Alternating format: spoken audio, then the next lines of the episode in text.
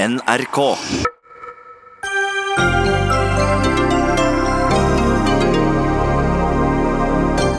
Sjelden en rolig dag i bergenspolitikken. I dag gikk skolebyråden av, men er det nok til at resten av byrådet blir sittende? Frp varsler omkamp om sykehus i Alta og Kristiansund etter helseministerens avgjørelse om to sykehus på Helgeland. Men hva har de sakene med hverandre å gjøre? Bankene setter inn enorme ressurser for å bekjempe hvitvasking, men hva er vitsen hvis Økokrim ikke har ressurser til å følge opp? Og Oslo Høyre vil verne havområdene utenfor Lofoten, Senja og Vesterålen. Men Høyre i nord svarte med å foreslå varig vern av Oslomarka og å bytte navn på Karl Johans gate.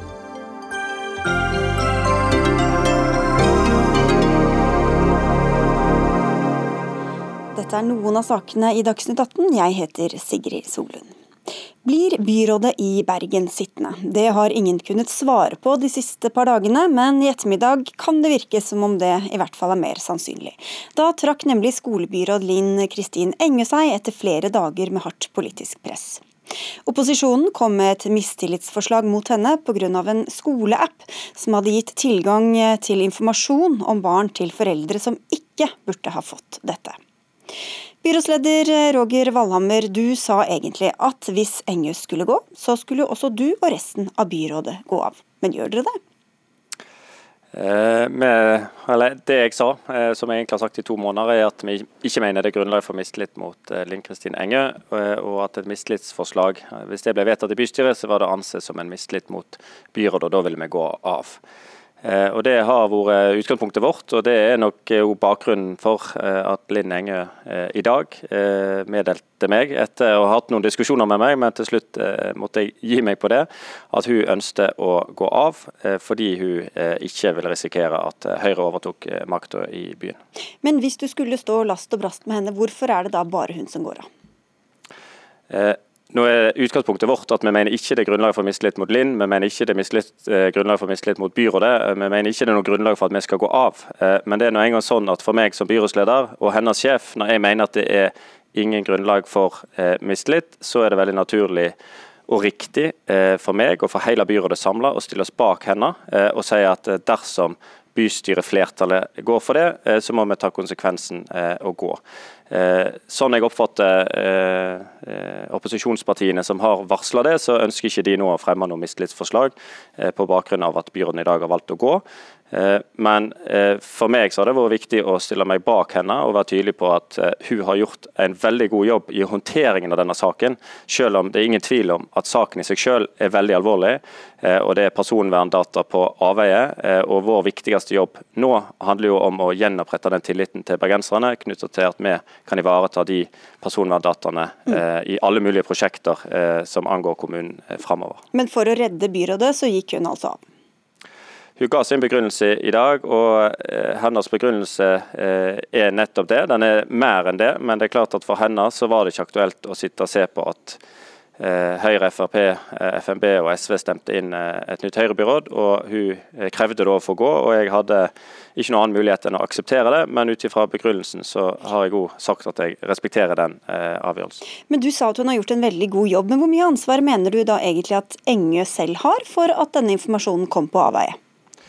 Eh, både høringen og internkontrollen har vist at hun ikke har hatt kjennskap til det. Eh, og Det er litt av eh, mitt poeng, at det at det er en veldig alvorlig sak, det er det ingen tvil om, det er det ingen som bestrider. Men det er ikke automatikk at det, fordi om det er en alvorlig sak, at den nødvendigvis skal miste litt til byråden. Da mener jeg at en skal vektlegge hvordan byråden, i det hun fikk kjennskap, har håndtert saken. Hvordan hun har ryddet opp i prosjektet.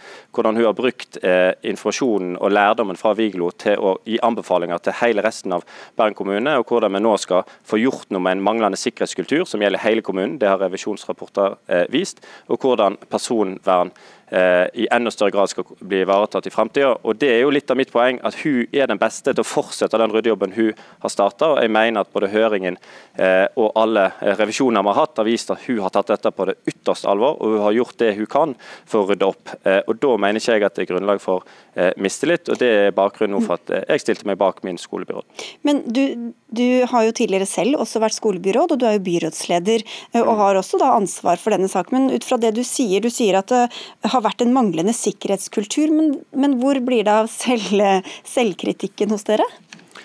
Det er helt åpenbart et politisk ansvar. Alt som skjer i Bergen kommune er et politisk ansvar. Det at sikkerhetskulturen ikke er god nok, det at dette kunne skje, det er helt åpenbart et politisk ansvar. Og det er byrådet som har det ansvaret. Men vi mener at vi har vist at vi gjennomfører de tiltak som er nødvendig for å rydde opp. Og dette er nok en utfordring vi har hatt i veldig, veldig mange år. som både i høst og ikke minst det som kommer nå framover, som jeg håper vi får snakke mer om hvordan vi faktisk skal gjøre noe med utfordringen, eh, har vist at vi eh, tar det på alvor og faktisk kommer til å eh, løfte eh, personvern, eh, sikkerhet og informasjonssikkerhet, digitalisering i Bergen kommune. og Jeg ser fram til å vise det og ta med bystyret på den reisen som vi trenger å ta som kommune helt klart. Fra før av har det vært et, skal vi kalle det et litt anstrengt forhold mellom dere og SV. De sier jo nå at de dropper dette mistillitsforslaget, men hva slags samarbeidsklima er det, er det nå i bergenspolitikken, vil du si? Jeg, jeg, jeg kommer sagt det sånn, Akkurat i dag så er kanskje ikke det, eh, det, det beste, men det er klart at vi har veldig mange felles ambisjoner for Bergen. Eh, og jeg er fall av den opp for, altså for min del jeg er iallfall ikke langsint, og jeg opplever også at i den dialogen vi har hatt med SV, at eh, de ønsker å fortsette eh, et godt samarbeid for det beste for Bergen og for en felles politikk de neste årene. Vi får se om vi får snakka med SV i løpet av de neste dagene. Takk skal du ha for at du kom, Roger Valhammer. Vi skal få en annen inn til å overta mikrofonen din, og den går til en som har skrevet veldig kritisk om denne saken og om Valhammers håndtering av den. Jens Kiel kommentator i eh, Bergens Tidende. SV sier at de dropper mistillitsforslaget. Betyr det nå at Bergensbyrådet blir sittende? Ja, de blir jo sittende til neste krise dukker opp. Eh, og dette er jo et byråd som da mangler ni plasser i bystyret på å ha flertall. Så det kan jo godt komme en ny, ny sak. Og det er jo ikke tvil om at denne saken, og med de beskyldningene som egentlig har hagla jeg vil si begge veier, har gjort et eh, krevende samarbeidsklima mer eh, krevende framover. Hvorfor var denne saken så viktig at den fikk eh, reaksjoner av denne dimensjonen? Altså, den har jo vært Det er jo en, er jo en veldig alvorlig sak. Altså Spørsmålet om eh, noen av de mest sårbare ungene og, og, damene i denne byen som plutselig opplever at de ikke kan være trygge lenger på om personvernet deres er ivaretatt. Ehm, eh, det er jo en, eh, selvfølgelig en, stor og krevende sak. Eh, og så blir spørsmålet da ikke sant, har, Finnes det et politisk ansvar her, eller finnes det ikke det? Og, I dag så ga jo byrådslederen på pressekonferansen en, en vilkårsløs unnskyldning til de som har blitt ramma. Det tror jeg er veldig viktige ord for byen. Men det er jo fremdeles sånn at han ikke har, verken han eller Engø på pressekonferanse i dag ga noe inntrykk av at det finnes noen eh, selvkritikk på den politiske ledelsen. Og Det er jo da Arbeiderpartiet som har styrt den byrådsavdelingen sammenhengende siden 2015. Dette mistillitsforslaget som kom ikke bare fra SV, men fra flere andre eh, opposisjonspartier også, gjorde at Engø ikke hadde noe valg? Måtte hun gå av? Altså, eh, da eh, Valhammer før helga gjorde klart at det mistillitsforslaget ville bety at eh, hele byrådet kom til å gå av hvis det ble en realitet. Så, så gjorde han det også klart at med mindre hun gikk, så, eh, et, så ville Høyre få muligheten til å forsøke å danne byråd i, i Bergen. Og Det gjorde jo saken enda mye vanskeligere, vil noen si. Andre vil jo si at det var en sak som at det er på en måte sedvane ved en uh, sånn type mistillit, at det stilles et kabinettspørsmål. Sånn som Erna Solberg gjorde i Listhaug-saken for et par år siden. Men, men, ja, det har jo vært et, åpenbart et press her, fordi det har eksistert egentlig bare én mulighet for at ikke Ap-byrådet måtte gå av. Mm. Valhammer sa at han ikke var langsint, men det er kanskje andre i bergenspolitikken som er uh, litt surere også på, på byrådet om dagen? Altså, det er jo en eh, eh, Vi var jo nesten ikke ferdig med byrådsforhandlingene, der SV jo ble kippa ut i siste sving, før det ble en stor og ganske krevende runde med budsjettforhandlinger. Nå kommer dette, og vi er ennå ikke ferdig med januar. altså det, er, eh, det har blitt mye de siste månedene her, og det tror jeg også gjør at det er lite tid mellom hver sånn fight til å klare å eh, reparere vanskelige eh, Eller liksom eh, reparere de forholdene som kanskje burde vært eh, bedre mellom byrådet og det som jeg tror byrådet ser på som sine nærmeste samarbeidspartier i bystyret. Da er det grunn til at vi ses snart igjen. Jens Kiel, takk skal du ha. Takk. Dagsnytt 18 alle hverdager klokka 18. På NRK P2 og NRK2.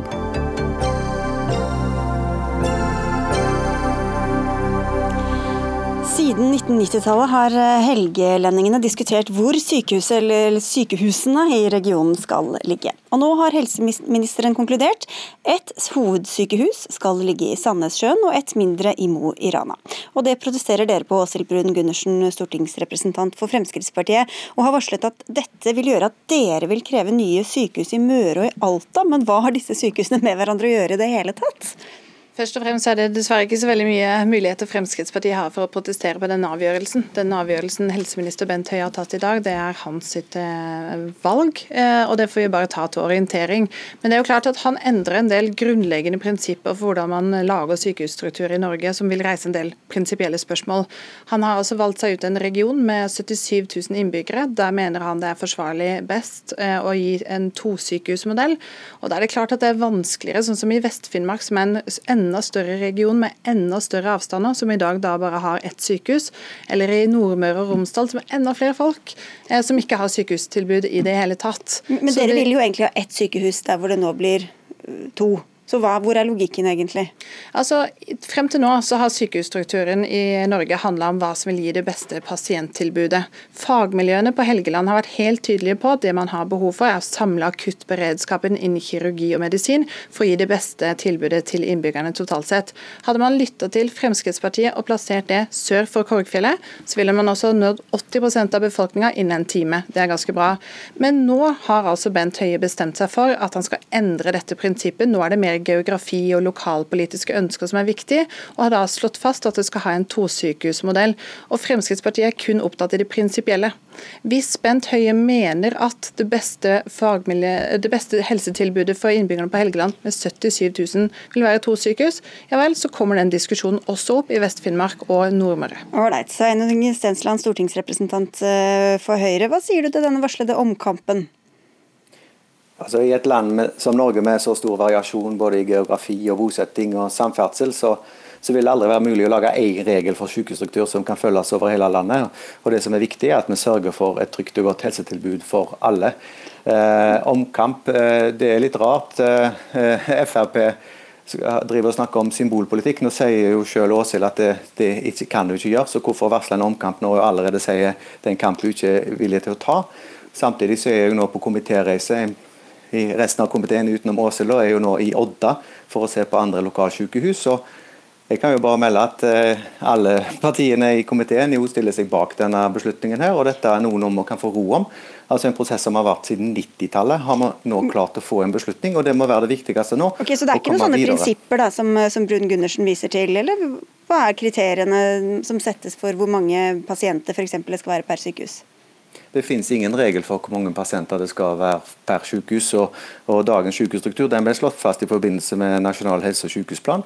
og Det ble satt i gang et arbeid lokalt. og Nå har både Helgelandssykehuset og eh, eh Helse Nord hatt grundig prosess. Styrene der har kommet med sine uttalelser. Og så har helseministeren trukket en beslutning på, på, på, eh, altså på, grunnlag av det som kommer fra lokalt. Og Dette har vært en langvarig prosess. og Det å gå ut og varsle en omkamp når en endelig har kommet i mål, det syns jeg er et hån mot de som bor der oppe. For nå kan en faktisk skape ro og komme okay. videre i noe som har vært en tung og vanskelig prosess for men, hele regionen. Bare for å følge opp det du sier, Brun Gundersen, altså hvorfor, øh, kan man ikke ta, hvorfor er det ikke hensiktsmessig å ta lokale vurderinger? Altså Her er det best med ett sykehus, og her er det best med to sykehus. Og Det har jo vi i Fremskrittspartiet gått med på, fordi Høyre har vært så tydelig på at det er pasientenes beste som er i fokus. og Derfor har de altså beslutta å bygge et sykehus i Hammerfest og ikke i Alta f.eks. Men i Vest-Finnmark er altså en region med betydelig større avstander enn det man snakker om på Helgeland.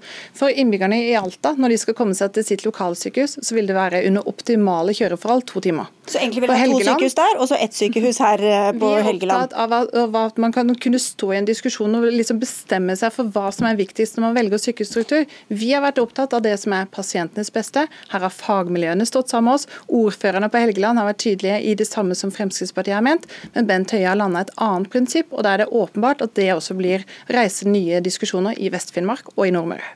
Sesland. Jeg er ikke så sikker på om alle pasientene er enige med Frp. Hun kan jo ta en prat med de som er opptatt av å bevare et fødetilbud i, i Mo i Rana. Klart Med Frp sin politikk så vil jo det bli nedlagt. Fødestue ja. var vi enige om hele tiden. Ja. I Rana men, men, men eh, det, det, sies mye fra Frp her nå. Dette har vært en grundig prosess. Det har vært faktisk inne både Helgelandssykehuset og Helse Nord, og en har en beslutning. og Det er faktisk fagfolk som sitter i styrene der òg. Det ble et enstemmig styrevedtak for Helse Nord, der alle de tillitsvalgte var med på vedtaket. Så det blir helt feil å si at alle fagfolk og alle pasienter er enige om ett sykehus. Men i deler av Helgeland så er det det de vil ha. Og Det er mange gode argumenter for ett sykehus, men vi må òg se på geografi og andre forhold. og Da lander en ned på denne løsningen her. Og Fra Mo i Rana så var en veldig ja. opptatt av en løsning med to sykehus. Ja, vi skal dit altså, men Du holdt på å snakke om dette i år årevis Brun Gundersen, og så skal man ta enda flere omkamper. Nei, altså Fremskrittspartiet har vært tydelige på Helgeland hele veien. Vi er jo faktisk det partiet som har turt å ta et standpunkt allerede før jul. og Vi sa at nå er det viktig at man lytter til fagmiljøene. Her har altså man hatt en veldig tynt befolka region som har vært kasteballer mellom ulike sykehus nå i årevis. Vi er glad for at det er landa en beslutning, men vi mener beslutninga er feil og er uenig i den. For det viktigste hadde vært å samle og lokalisere dette tilbudet til beste for pasientene på hele Helgeland. Ok, så Vi skulle til Rana, men vi har fått Rana hit. Geir Våge, du er ordfører ordfører fra Arbeiderpartiet der. og dette, Denne løsningen har vært varsla helt siden Helse Nord eh, innstilte på det eh, på slutten av fjoråret. Da var du her i Dagsnytt 18 og sa at dere satte deres lit til helseministeren, som nå har konkludert. Dere får fødestue og akuttfunksjoner, men ikke lenger hovedsykehus. Hvordan blir det mottatt? Nei, altså Vi får jeg er glad for at det blir to sykehus på Helgeland. Det vedtaket som statsråden har gjort i dag, innebærer at vi får beholde både uh, akutt og, og, føde og de funksjonene som vi har i, i, dag. Det betyr at vi er blitt hørt på. Vi har tverrpolitisk i Iran sagt at vi mener at det beste for Helgeland er å ha uh, to uh, akuttsykehus. og det, det er vi fornøyd med.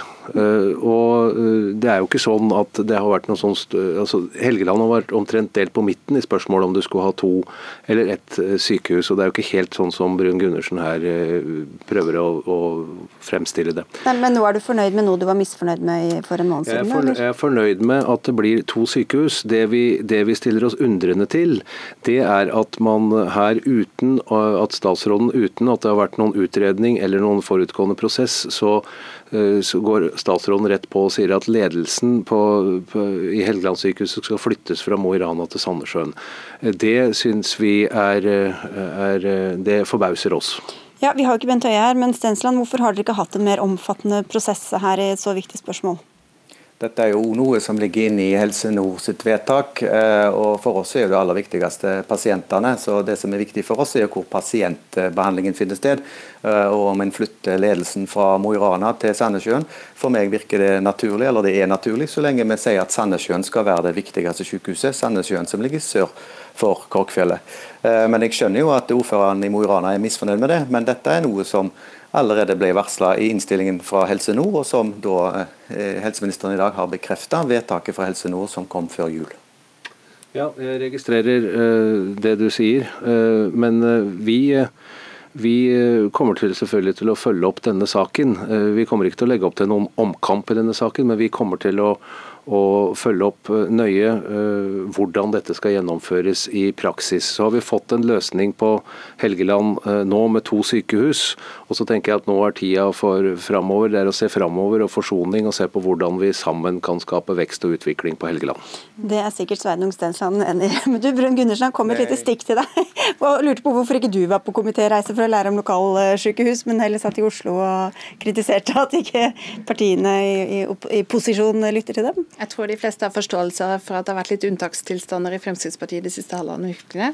Eh, men jeg gleder meg til å fortsette å reise rundt og besøke sykehus og ta opp kampen for de pasientene som trenger et bedre pasienttilbud. Og da er det også viktig å lytte til de i Vest-Finnmark og i Nordmøre. Vi får si takk i det. Ja, ok, Helt kort, eh, Stensland. Ja, Frp har jo gått ut av sykehus for å få bedre tid til pleie av grasrota. Vel, her er vi ute og snakker med folk i Odda. Sånn, ut av fengsel, var det ikke det? Eh, Jo, ut av fengsel er det jo godt, men det er klart det er viktig å være rundt og snakke med folk før en tar beslutninger. Ok, Takk skal dere ha i hvert fall alle tre. Åshild Brun Gundersen fra Fremskrittspartiet, Geir Våge som er ordfører i Rana, og til deg Sveinung Stensland fra Høyre.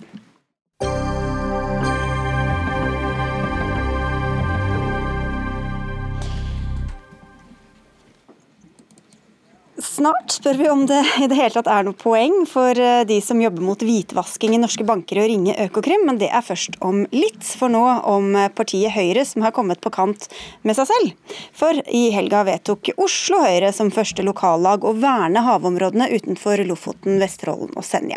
Mot konsekvensutredning og mot oljeutvinning da på sikt. Reaksjonen kom raskt fra fylkespartiet Troms og Finnmark, en uttalelse forfattet av medlem og til vanlig forsvarsminister Frank Bakke-Jensen Jensen foreslår bl.a. varig vern av Oslomarka, å døpe om en rekke gater i Oslo sentrum og pålegge motorlyd på elektriske fremkomstmidler. Men under dette humoristiske svaret så ligger det også et alvor, Frank Bakke-Jensen. Hvorfor reagerte dere så sterkt på dette vedtaket fra Oslo Høyre? Ja, Det ligger flere alvor eh, bak eh, reaksjonsmåten vår. Det ene er det at eh, vi fant ut at vi i stedet for å bruke den tradisjonelle måten å protestere på, som er å rope høyest, og som er veldig vanlig i dag, så skulle vi gjøre det på en litt annen måte. Denne gangen var vi også heldige at vi visste vi hadde en, en intelligent mottaker, sånn at dette ville, ville virke. Så Derfor eh, bruker vi litt humor for å markere at eh, et for oss viktig poeng det er at eh, vi, vi, eh, vi, utvikler politikk. Det skal være kunnskapsbasert. og For oss er konsekvensutredninga en måte å samle kunnskap som kan brukes både av lokalpolitikere, regionalpolitikere og rikspolitikere. Og Når man nå bor i et langstrakt land og vi er øverst, så er det et poeng som er viktig for oss. Mm. Men, men, men Dere skriver jo at Troms og Finnmark merker seg og støtter Oslo Høyres grep, da her er du fortsatt ironisk, men for å etablere Høyre som et mer populistisk, fargerikt og spennende parti. Men er dette et populistisk vedtak, vil du si, fra Oslo? Oslo Høyre? Ja, altså, det, det, det, er lett å sammenligne det med en del av de andre populistiske partiene vi har i dag. Den store populistiske partifloraen vi har i dag. For at det, eh, sier jo nei takk til kunnskap, og så bestemmer det seg for at det er det her som er det beste. Og, så, og, og I det bildet så, så, mener vi at vi, eh, vi hadde rett til å reagere, og så måtte vi bare finne en formulering som gjorde at vi liksom ble sett da får vi ta den intelligente mottakeren Heidi Nordby Lunde, altså leder av Oslo Høyre. Men populistiske vedtak og kunnskapsfiendtlig, nærmest. Hva svarer dere til det? Ja, altså jeg synes For det første det var en fantastisk respons fra Troms og Finnmark Høyre på et vedtak som de er uenig i, og vi burde ha mer av den type debatt, eller legge til rette for den type vennligsinna debatt i, i, Norge. Eh, men det som er interessant med det, eh, det ironiske vedtaket de eh, fattet, som at de ønsket at man skulle innføre strengt vern om i Oslomarka. Det har faktisk regjeringen allerede innført. Man har mot store lokale protester fra Oslo og kommunene rundt innført eh, naturreservat i Lillemarka i Østmarka, og i Nordmarka kan faktisk Oslo-beboere møte ulv, for da hele Oslo er innafor ulvesonen. Men vi mener jo også eh, alvorlig at vi ønsker å, å verne Lofoten, Vesterålen og Senja mot uh, oljeboring, og at man i praksis har gjort dette nå i fem regjeringsplattformer, utgått av en rød-grønn og en blå-blå regjering. Så dette her er jo egentlig et vedtak som er i tråd med norsk eksisterende politikk. Men hvorfor, eh, og det ligger jo litt under her, hvorfor skal Oslo Høyre mene noe om eh, hvorvidt de skal lete etter olje, eller i hvert fall utrede muligheten i, utenfor Lofoten og Vesterålen? Fordi norske naturressurser er et nasjonalt anliggende, og selvsagt skal et av Høyres største lag ha en formening om uh, naturressursforvaltning i, i, Norge, og ikke minst både bærekraftig klimapolitikk og ikke minst bærekraftig økonomisk politikk. Men, det det, og det er jeg helt enig i. Høyre skal mene noe med det. Oslo Høyre skal mene noe med det. Båtsfjord Høyre skal mene noe om det. Men, men vi, skal, vi, skal, basere uh, meningen vår på at vi har innhenta den kunnskapen vi trenger først. Men ut fra det svaret dere ga om alt som burde skje i Oslo, så høres det litt ut som om dere mener at Oslo burde holde seg til Oslo? ja, hvis du, tar, hvis du tar, en liten sånn kjappis. Men, men dere, det er derfor jeg mener at eh, vi, vi, eh, vi viser hvor viktig kunnskap er. For at det vi skriver er jo at vi skal verne Oslo, Nordmarka på lik linje med Finnmarksvidda. Og Finnmarksvidda er ikke verna på noe som helst slags vis. Det ville vært, tvert imot, Vi ville oppheva veldig mye av det vernet som er i Nordmarka. Finnmarksvidda er jo et næringsområde der vi produserer verdens beste kjøtt, reinkjøttet. Sånn at hvis du leser formuleringa vår, så ville vi ha letta på mange av de tingene dere protesterer mot. Så dere fikk altså støtte fra et distriktsfylkeslag som har kunnskap om den typen, den typen landskapsområder. Sånn at det, det, er ikke sånn. Det viktige for poenget for oss det var at det, skal, det må ligge kunnskap til, til stede for politiske vedtak. Og så skal vi selvfølgelig engasjere oss og få lov å mene noe om så viktige ting som, som Lofoten, Vesterålen Nå regjerer jo denne regjeringen også på en regjeringsplattform hvor det står eh, at man ikke skal konsekvensutrede dette området fram mot 21, eh, selv om det ikke er Høyres primærpolitikk. Ja. Men jeg mener at nå har man jo i praksis gjort dette her gjennom fem regjeringsplattformer over eh, flere regjeringer, og det er nesten å kaste blår i øynene på de som håper på et oljeeventyr i dette området, som jeg ikke egentlig tror at skal skje. Men når det er sagt, så kan det ikke være noen motsetning mellom å ha en offensiv næringspolitikk og en offensiv klimapolitikk. Dette er en forutsetning for å få til det grønne skiftet. Så må vi skape arbeidsplasser og muligheter over hele landet. Men for, for, å ta tak i det, altså, Hva er sannsynligheten for at det noen gang hadde kommet til å komme konsekvensutredning og oljeboring utenfor Lofoten og Vesterålen? Ja, det, det, kan du si. Men det som er vårt poeng her, det er jo at eh, det er viktig at vi engasjerer partiene på riktig måte. Vi skal altså opp mot et landsmøtevedtak, uttalelsesresolusjon, vedtak i akkurat denne saken. Og det er klart at Da kan vi ikke bare huke av at siden det endte opp i så mange regjeringsplattformer, så trenger vi å diskutere og ikke ta den. Jo, vi må ta debatten. Og vi mener ennå at den kunnskapen er viktig for å kunne ta den riktige avgjørelsen. Det var det prinsipielle vi ville få bringe til, til, til media og til folket, og noe jeg syns vi på et vis har klart ganske, ganske greit. Og så vet vi at Konsekvensutredning det, er, det fører som regel til en åpning. og Hva slags kunnskap er det egentlig man mangler eh, om dette området? Masse, masse kunnskap. Eh, om, eh, om, eh, det området. Husk på at dette er jo også et område som på mange måter endrer seg under, under, i klimaendringen. Vi har en torskestamme som gyter ikke bare i Lofoten, men gyter til, til, til Finnmarkskysten. Alt endrer seg. Her er masse kunnskap som bør komme på, på bordet. på den ene sida. Det andre det er at måten vi bruker ressurs, gass, naturgass på fremover vil endre seg. Det kan godt hende at det kan være gode grunner for oss å utnytte de her ressursene, også i et klimaperspektiv. Rett rett og slett for at vi kan være teknologioptimister. Vi kan gjøre det på en riktigere og bedre måte. Det er det vi får i en, i en kvalifisert debatt. og da, da, er det viktig med en eh, eh, konsekvensutredning, for at da skaffer vi oss litt mer kunnskap for å gjøre den gode debatten. Okay, vi hadde en, eh, intern høyre, en annen intern Høyre-debatt her i forrige uke som handlet om hvor iskanten skulle gå. Dette er jo også noe som skal opp på deres landsmøte nå om, om ikke så lenge. Hvor avgjørende blir disse sakene, tror du, Heidi Nordblunde, for hvor Høyre legger seg på en måte i, i hele dette feltet. Men altså, Jeg mener jo hele tiden at Høyre har hatt en offensiv og realistisk klimapolitikk. og Det er ikke noe tvil om at vi skal leve både av og med olje- og gassutvinning i Norge i flere tiår framover. Men det viktige er at når vi skal gjøre det, så er det kanskje noen områder som vi skal se på og bevare, som Lofoten, Vesterålen og, og Senja, som er uberørt vakker norsk natur, som har mange andre næringsmuligheter, og som må bygge opp under det. Men vi må først og fremst sørge for at det grønne skiftet dette. Det skaper muligheter og arbeidsplasser for alle over hele landet. og Vi burde heller ta den debatten istedenfor å gå inn mot områder som i praksis har vært vernet gjennom fem regjeringserklæringer og flere eh, regjeringer. For Jeg tror ikke at dette området kommer til å være det viktigste området vi skal utrede. og husk på at Det vi skal utrede i så fall, er jo hvor skadelig oljeutvinning i dette området skal, uh, er. Ikke... det er viktig kunnskap å, å, å, bringe til debatten. Derfor, vi, derfor sier vi ja til konsekvensutredninga. Vi får se da hvem som vinner fram eh, når dere da om Det er ikke mange uker til, eller? Det er vel en måned til? En måned til. Ja, ja, Det viktigste er jo at kunnskapen vinner frem. Da har vi oppnådd det vi vil i Kunnskapspartiet Høyre. Kunnskap og kunnskap. Takk skal dere ha i hvert fall begge to for at dere var med i Dagsnytt 18, Frank Bakke-Jensen og Heidi Nordby Lunde. Hør Dagsnytt 18 når du vil. Radio NRK.no.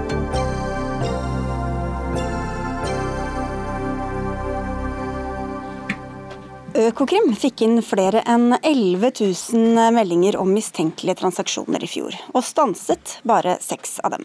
Bankene har satt av store ressurser til å avdekke hvitvasking, men det er knapt noen vits i å kontakte Økokrim med det de finner, sier du til Dagens Næringsliv, Roar Østby.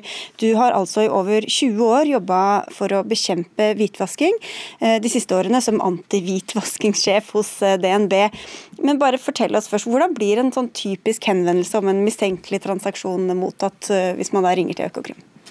Ja, det er jo det som ligger til bakgrunn for det jeg sier her i avisen. at uh, Da er det som regel når vi ringer, og det er hovedregelen, at Økokrim skal kunne få sjansen til å gripe inn og ta en melding, som da f.eks. bank eh, da ringer om. Og Da er det en telefon, for det haster. Det haster også for at man skal få avklart transaksjonen. Og det er som regel svaret at det har vi ikke kapasitet til å ta, og dere må ta, ta de vurderingene selv. Og så Hva gjør det med hvor terskelen blir lagt for når man ringer Økokrim? Ja, Da blir jo læringen deretter at uh, da OK, den saken holdt ikke. Uh, da må vi antakeligvis høyere opp alvorlighetsgrad eller noe lignende for å kunne få da attention fra Økokrim. Og så er det vel da blitt slik at terskelen i dag ligger antakeligvis ganske høyt da, i de fleste bankene. Og hvor problematisk er det? Ja, Det er jo problematisk fordi at dette er jo hovedregelen i loven. denne, Den har jo vært i 25 år, denne regelen nå. Om at uh, formålet er jo å avsløre og pådømme eventuelt uh, kriminaliteten. Ikke bare melde den inn til, uh, til, myndighetene. Men dermed så blir ikke disse sakene tatt, og dermed så får man ikke noe da løst sakene. Det andre er jo at det er viktig at de rapporteringspliktige også får en tilbakemelding fra Økokrim. da på en mer strukturert måte. Eh, også enn vi får i dag. Et nei på sånn telefon skaper jo ikke noe attention for eller, eller, læring av hvilke saker er det egentlig ute etter. Nei. Reidar Brusgaard, du er konstituert assisterende Økokrim-sjef. Hva, hva, sier det at en såpass sentral, eh, sentral person som Østbø her sier at det er knapt noe vits i å ringe dere? Vi eh, er selvfølgelig opptatt av at dette, dette, samarbeidet med bankene skal bli best mulig. Men bare la meg aller først uh, understreke et poeng. Disse meldingene, MT-meldingene de fyller ulike funksjoner. Og ca. 10% av MT er det mistenkelige transaksjoner? uh, og ca. 10% av dem bruker vi aktivt i etterretningsrapporter, analyserapporter og trusselvurderinger. Og Vi har ca. 500 henvendelser fra nasjonale og internasjonale samarbeidspartnere som Eh, er interessert i disse meldingene og bruker dem aktivt i sitt arbeid. Eh, så jeg tror det er i hvert fall viktig å nyansere bildet litt. Altså, e, MT-meldingene har en viktig, viktig, funksjon. Og så har det vært veldig mye fokus på noen få uh, straffesaker og hvordan de håndteres. Men, men til spørsmålet mitt, da, hva sier det deg at, at dette budskapet kommer fra en som har jobbet med, mot hvitvasking i så mange år? Eh, nei, vi tar det, tar det, på alvor. og Vi har veldig fokus på at samarbeidet med, med, finansnæringen skal være best mulig. og Vi jobber aktivt med det for å bli bedre. Vi har det som tema eh, jevnlig. Så det tar vi på alvor. Eh, jeg, tenker at, eh, jeg tenker at på, særlig på, altså på straffesakssiden så er det krevende å utveksle informasjon, men spesielt på dette med etterretning og, og altså det å uh, prøve å styre eh, finansnæringen i en riktig retning, så har vi helt sikkert litt å gå på. Altså Du er enig i at dere gir for dårlige tilbakemeldinger? Nei, jeg, jeg, tror vi, jeg tror vi forsøker å gi de tilbakemeldingene vi kan hver dag og hele tiden. Hva er det tror... dere har litt å gå på da? Hva betyr det? Nei, Jeg tror at samarbeids, samarbeidsstrukturen her kan bli enda bedre. Det, det tror jeg. Hmm. Eh, jeg vil nok si at eh, her er det mye å gå på, fordi eh, en strukturert tilbakemelding, hvor da Økokrim f.eks. mottatt siste året 11 000 meldinger, i de meldingene som de sitter på, så er det fra det samtlige rapporteringspliktige i Norge. Det har vært interessant å få tilbakemelding. Hva ser Økokrim? Hvilke trender, hvilke handlingsmønster? Er det noe de ønsker å se mer av? Er, de, er vi på riktig spor? Eller er det andre sider som de sitter på gjennom sitt politiapparat og tenker at der, her må vi prøve å skru siktemiddelet litt, det må vi gi beskjed om til de rapporteringspliktige. Den kilden er ganske nødvendig å få med seg for de rapporteringspliktige. Ok, Så dere følte, følte at det var sånn ut i et svart hull, og så aner man ikke hva informasjonen blir brukt til, eller om den er nyttig i det hele tatt? Ja, spissformulert så kan du si ja. ja, ok, Det var jo ikke noe veldig god attest, da. Ja, men la, la, meg nyansere det bildet litt. Altså, det gis tilbakemeldinger, og brukes disse meldingene aktivt, så, så gis det tilbakemeldinger på det. Så, så, det er ikke riktig at ikke det, det er et samarbeid. Det er et uh, tett samarbeid, og vi har også konferanser etc. Så, så dette, er, uh, dette er, handler ikke om at vi skal uh, gå opp løypa på nytt. Det handler egentlig bare om å få dette samarbeidet til å bli enda bedre, og det er vi opptatt av. Mm. Men denne, det er jo sånn at Finanstilsynet følger jo med. Det, blir det da fristende for bankene å rapportere mye mer enn det som strengt tatt er nødvendig, eller? Jeg tror ikke det har vært faren i dag. Eh, jeg vet at tilsynet, som også nå har eh, virkelig eh, bygd seg opp i positiv forstand nå, det siste året halvannet, og det merker de rapporteringspliktige, for det er mye med veiledning, konstruktiv veiledning fra tilsynet. Men jeg vet at de er interessert i hvor de vi har da, eller rapporteringspliktige har lagt listen hen. Og har dere nok en mening om det? Og Signalet har vel vært at det har vært rapportert for lite ut fra at man mener at hatt for høy terskel til å si fra. Og, og, så er det jo dette med hvor mange mennesker. altså Dere har 17 eh, personer av 170, hvis jeg har fått riktig informasjon her, som jobber med mistenkelige transaksjoner. Hvordan, er, er det godt nok rusta til å ta tak i dette på en ordentlig måte?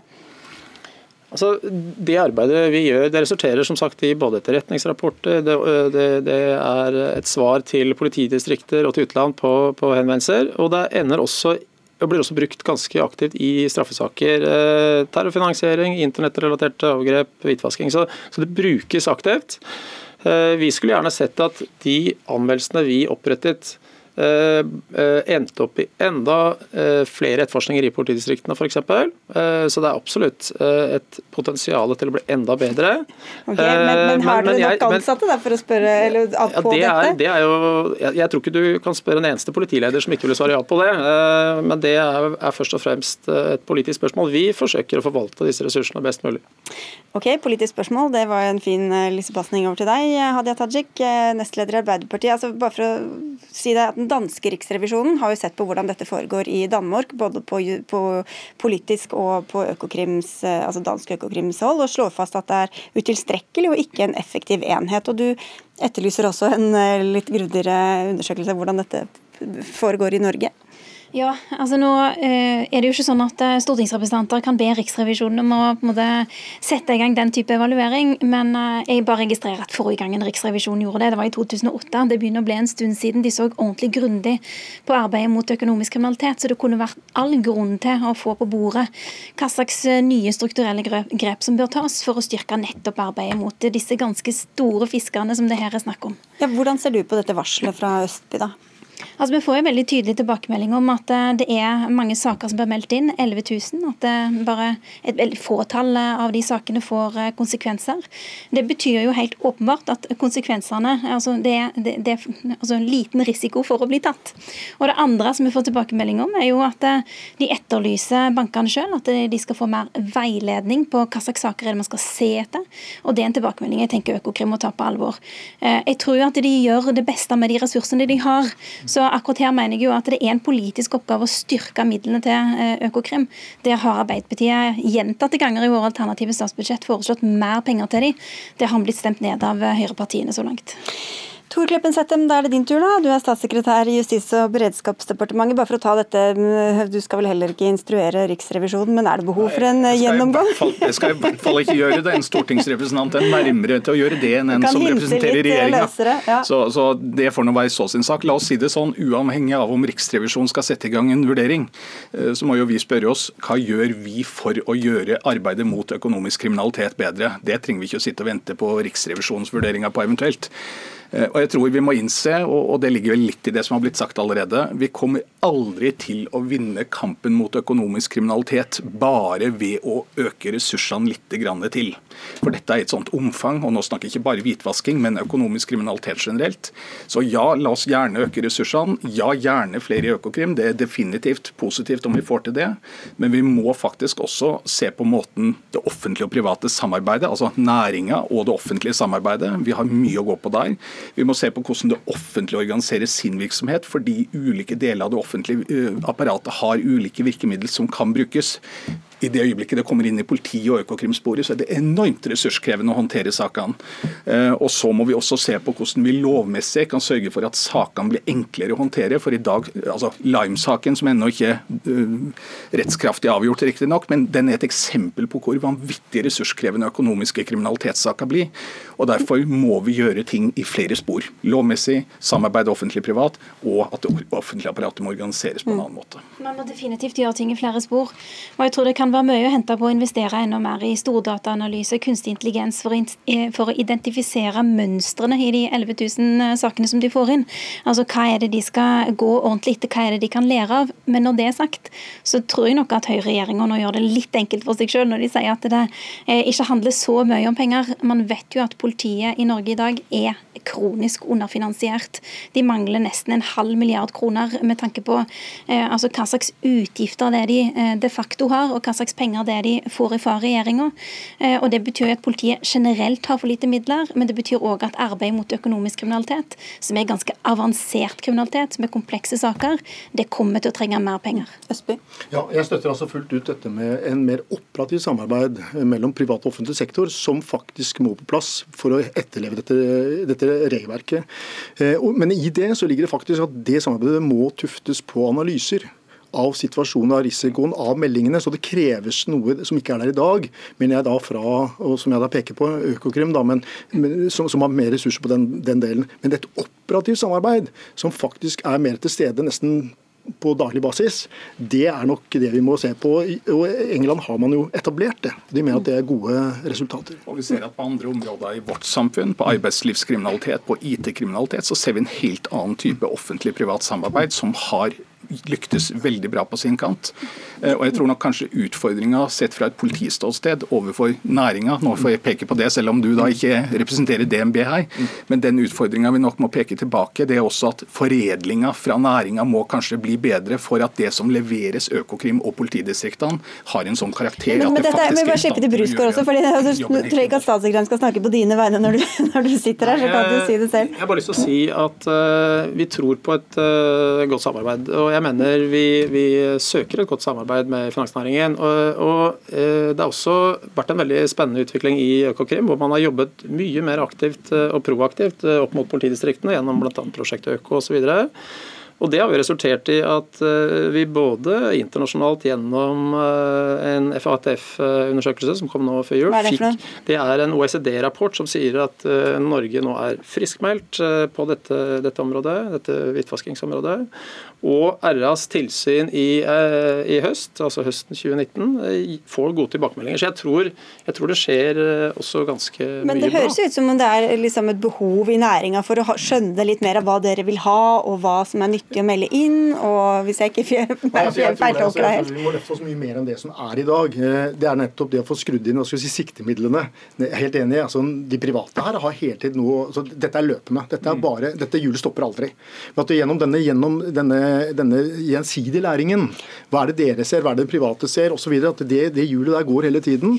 Det er det jeg er på en måte ute etter. La oss ikke glemme at i dette arbeidet så er det faktisk sånn at bransjen og myndighetssida står sammen og har en felles interesse, fordi det er en fare for bransjen og det er en fare for myndighetssida og det norske samfunnet. Så vi har en felles interesse i å finne de gode formene. Da er det ikke bare ressursene dere kan etterlyse da, Hadia Tajik? Men jeg er veldig glad for at statssekretæren sier det på den måten der. Eh, altså at det går an å få ting eh, til sammen her.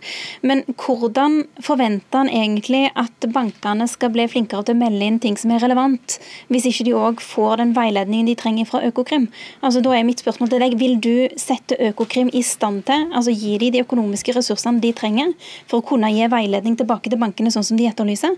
For det vil Arbeiderpartiet. På samme måte som vi har gjort vårt arbeid på arbeidslivskriminalitet for å sørge for et bedre offentlig-privat samarbeid, på samme måte som vi har gjort det på IT-kriminalitet, der vi har et bedre offentlig-privat samarbeid enn før, så er det et rom for å gjøre det også på dette området. Men Hvorfor har dere latt det gå mer enn seks år da, før dere har tatt tak i akkurat dette feltet på økonomisk kriminalitet? Har det ikke vært viktig nok for dere? I all verden. Det er jo ganske merkelig tilnærming. Altså Kampen mot økonomisk kriminalitet er mer enn hvitvasking.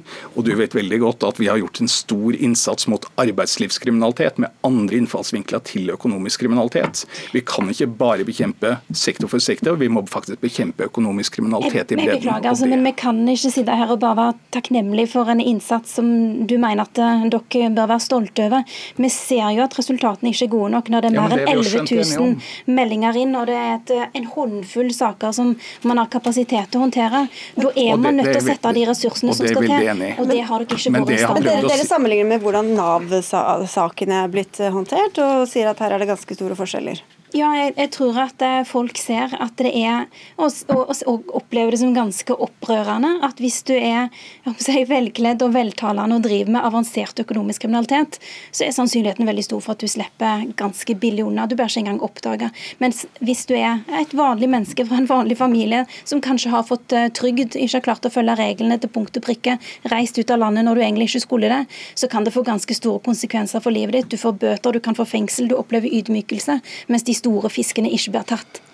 Men altså i all verden, altså Innsatsen mot økonomisk kriminalitet skjer gjennom skatteetaten, gjennom A-etat, gjennom, eh, gjennom eh, arbeidstilsynets skyld, gjennom, gjennom, Nav, gjennom andre offentlige organ.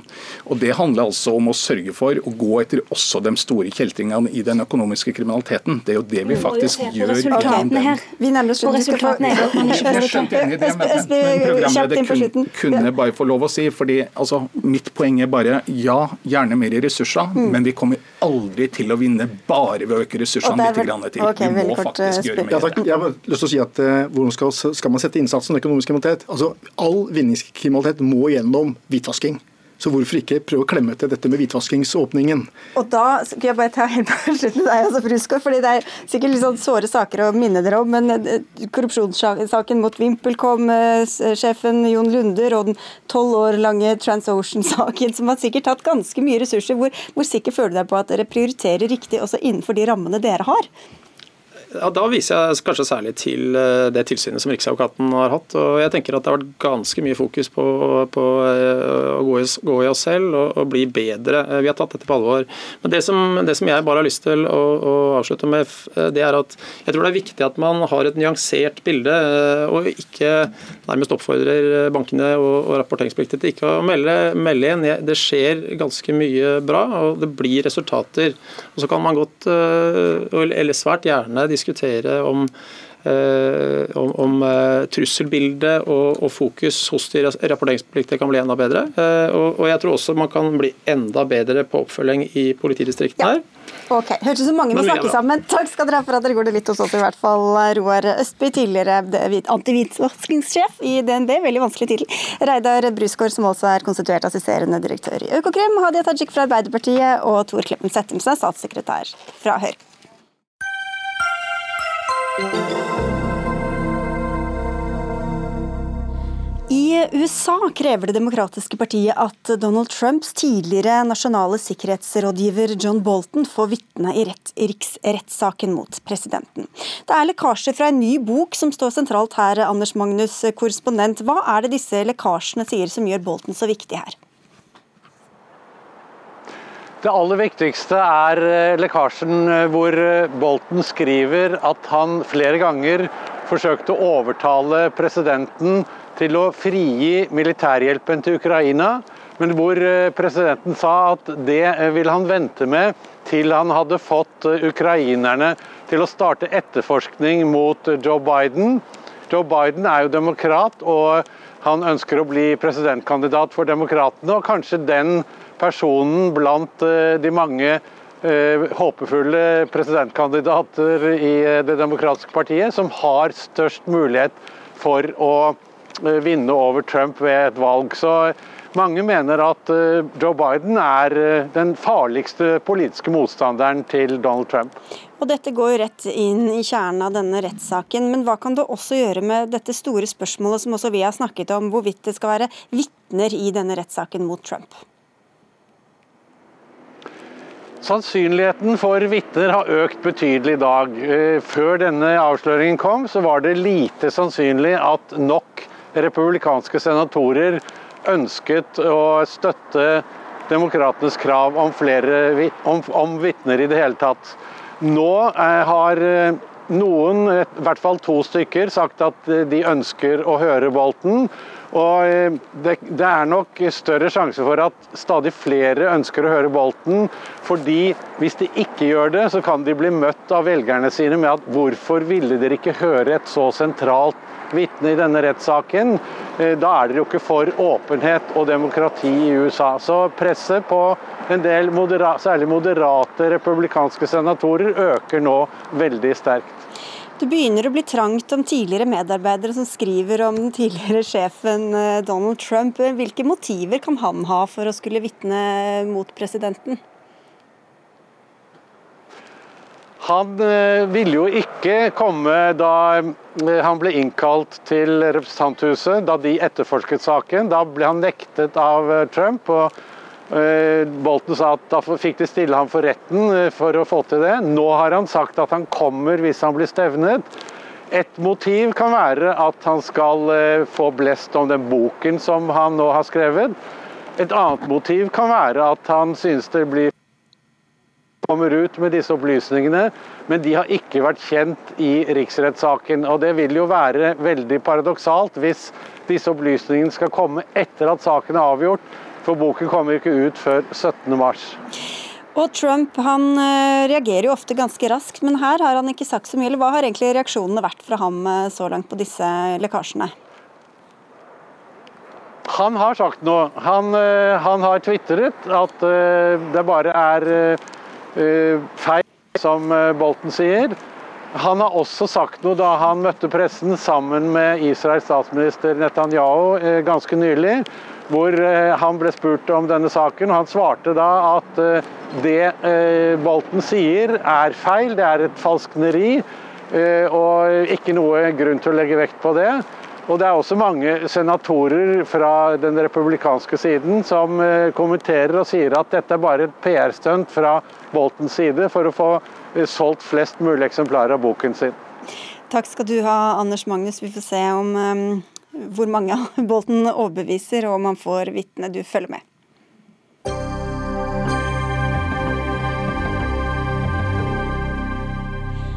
Etter en vinter med stadige problemer i luftambulansetjenesten i nord, har Arbeiderpartiet fått nok. Partileder Jonas Gahr Støre har lovet at dersom de rød-grønne vinner neste stortingsvalg, så skal luftambulansen overtas av staten. Det har falt i dårlig jord hos den ideelle stiftelsen Norsk Luftambulanse, som driver helikopterdelen av dagens tilbud, ved siden av Babcock, som vi har snakket mye om, og som altså er ansvarlig for flyene. Du er generalsekretær i denne stiftelsen, Hans Morten Lossius. Men etter de problemene man har sett her i vinter, hvorfor er dere fortsatt imot at staten skal overta denne tjenesten? Jo, Først og fremst vil jeg jo anerkjenne de problemene som har vært innenfor flyambulansetjenesten. Det er jo uholdbar situasjon for pasientene og befolkningen, sånn kan vi ikke ha det. Men når vi ser på legehelikoptersiden, da, som Norsk Luftambulanse har hatt ansvar for, så har vi levert full beredskap hele tiden. Vi har faktisk levert mer beredskap enn det staten ber om, og også stilt opp med ekstra beredskap beredskap i forhold til krisen i flyambulansetjenesten. Vi har 40 år erfaring med å samarbeide med staten om legehelikoptertjeneste. Eh, vi er ideelle, vi bruker penger på helse, vi tjener ikke penger på helse. og Det har gjort at vi har kunnet utvikle tjenesten sammen med staten til et nivå hvor legehelikoptertjenesten er på det beste vi ser i Europa i dag. Det ville vi synes var synd at man på en måte skylte ut med badevannet. Mm. Men, men det at det går bra noen ganger og dårlig andre ganger, hvordan er det et argument mot at staten skal overta? Ja, Vi har ikke den erfaringen at det går bra noen ganger og dårlig noen ganger. Vi har drevet kontinuerlig 40 år og utviklet tjenesten med den samme eh, tilgjengeligheten, samme beredskapen. Jeg tenkte ikke på dere, egentlig, men at noen ganger så er den som vinner anbudet, går det bra, og andre ganger så går det ikke så bra. Ja, da er det sånn at disse kontraktene som vi har i dag, de har vi advart mot lenge. Vi mener at man trenger en bedre kontinuitet, en lengre periode. Man må ta vare på den erfaringen som finnes i tjenesten. Mm. Det er vanskelig med den typen kontrakter staten har i dag. Ok, Vi skal til deg, Ingvild Kjerkol. Du er stortingsrepresentant og helsepolitisk talsperson i Arbeiderpartiet. og Dere ønsker altså i hvert fall at dette skal utredes, men har tatt til orde for en statlig overtakelse. Og Hvordan er det grunnlag med å, å, å gå inn for det, fordi én operatør har hatt store problemer?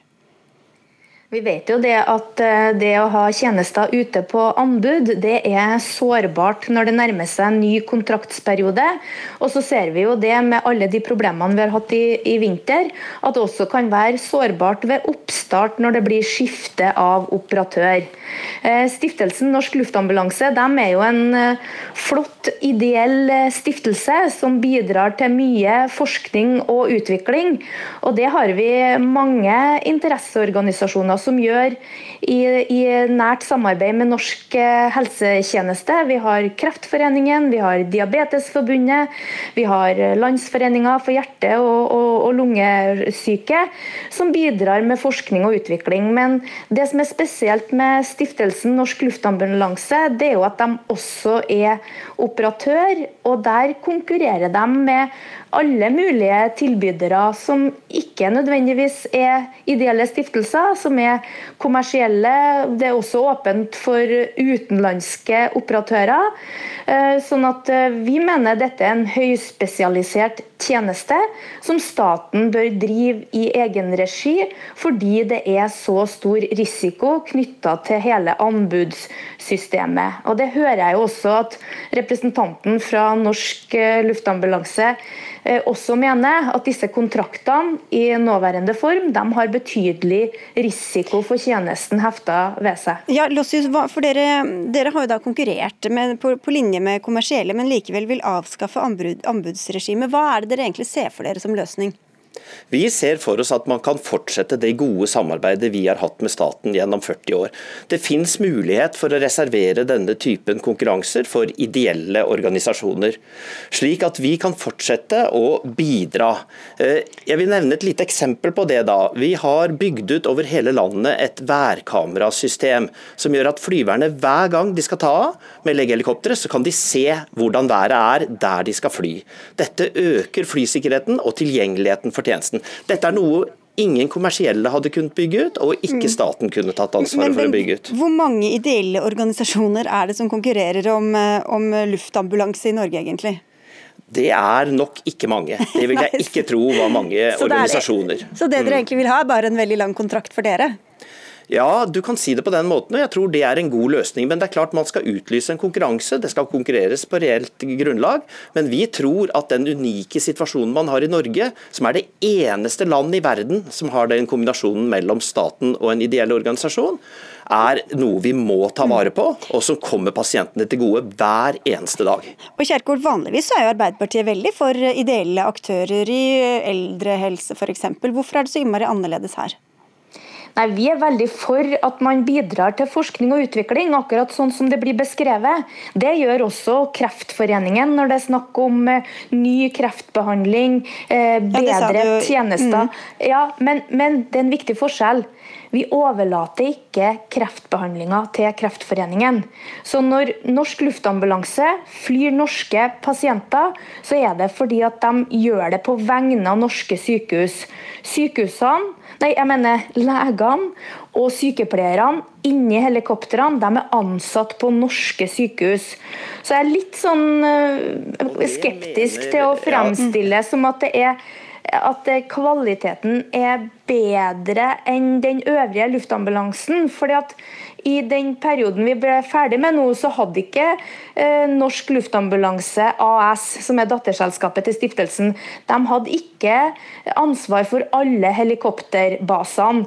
Og det er ikke grunnlag for å si at de tre basene som ble, eh, som ble drevet av en annen operatør, hadde en dårligere kvalitet. Så det, det bildet kan vi ikke forfekte. Det stemmer det, nok det, ikke, ikke, Kjerkol, fordi at operativiteten på Helgeland og i Nord-Norge har blitt høyere med oss, nettopp pga. instrumentflyvningsruter og værkameraer. Så det er dette samarbeidet og, og helsevesenet ja. ja, fordi at dere har tatt i bruk nytt, nytt, utstyr, men det er jo det samme helsepersonellet som, flyr, eh, inn, som er inne i flyene. Ja, og det at dere bidrar med nyvinninger som utvikler tjenesten, det er jo kjempebra. Men for å kunne gjøre det, så må, vi ha ansvaret for operativiteten. Da må Lottis få svare også, Kjerkol. Og skal vi, skal vi, få til det, så må vi ha ansvaret for det operative. Det er riktig det med legene, og det er det som er det fantastiske samarbeidet. Vi kan gjøre den spesialiserte funksjonen det er å fly legehelikoptre, operere det redningstekniske, og sykehusene står for den medisinske leveransen, som jo er kjernen i det. Og Det er dette samarbeidet som er viktig. Og Skal vi få til å utvikle tjenesten, så er vi helt avhengig vi, av å være i tjenesten. Vi kan ikke stå på sidelinjen. Da får vi verken erfaringen eller muligheten til å implementere og Det er det som er så viktig, og det er det som er så flott å samarbeide om. og Det er det vi håper dere innser og vil utvikle videre. For det er nettopp det som er så unikt i Norge, og som gjør at vi har den tjenesten vi har. Ok, På tampen her, Kjerkol, det skal utredes, men hva er sannsynligheten for at dere vil gå inn for å la ideelle stiftelser også få lov til å drive med ambulansevirksomhet? Hvordan en statlig drift av eh, luftambulansen skal gjennomføres, det har vi ikke svaret på i dag. Det må utredes eh, godt og grundig, for det er en komplisert tjeneste. Men jeg kan ikke tildele noen kontrakt til Lossius og Norsk Luftambulanse i dag på lufta. Det tror jeg alle forstår, at dette må gjøres eh, med pasientene sin, sine behov i fokus. Og så må vi huske på at det er den norske offentlige helsetjenesten helsetjenesten som betaler for denne tjenesten, uansett hvem operatøren er. Det er en viktig greie å ha med seg, sånn at man ikke tror at dette er en ideell tjeneste, for det er det ikke. Her er man operatør og har vunnet et offentlig oppdrag. Nå ser jeg at Lossius har lyst til å svare. Ja, og dette er vi helt enige om. Okay. Altså, nesten alt du sa nå er vi helt enige om. Det var jo litt koselig, da. Mm. Takk skal dere ha begge to, Hans Morten Lossius fra Norske Luftambulanse og til Ingvild Kjerkol fra Arbeiderpartiet. Dag Dørum, Lisbeth Sellereite og jeg, Sigrid Solund, takker for oss og høres igjen i morgen.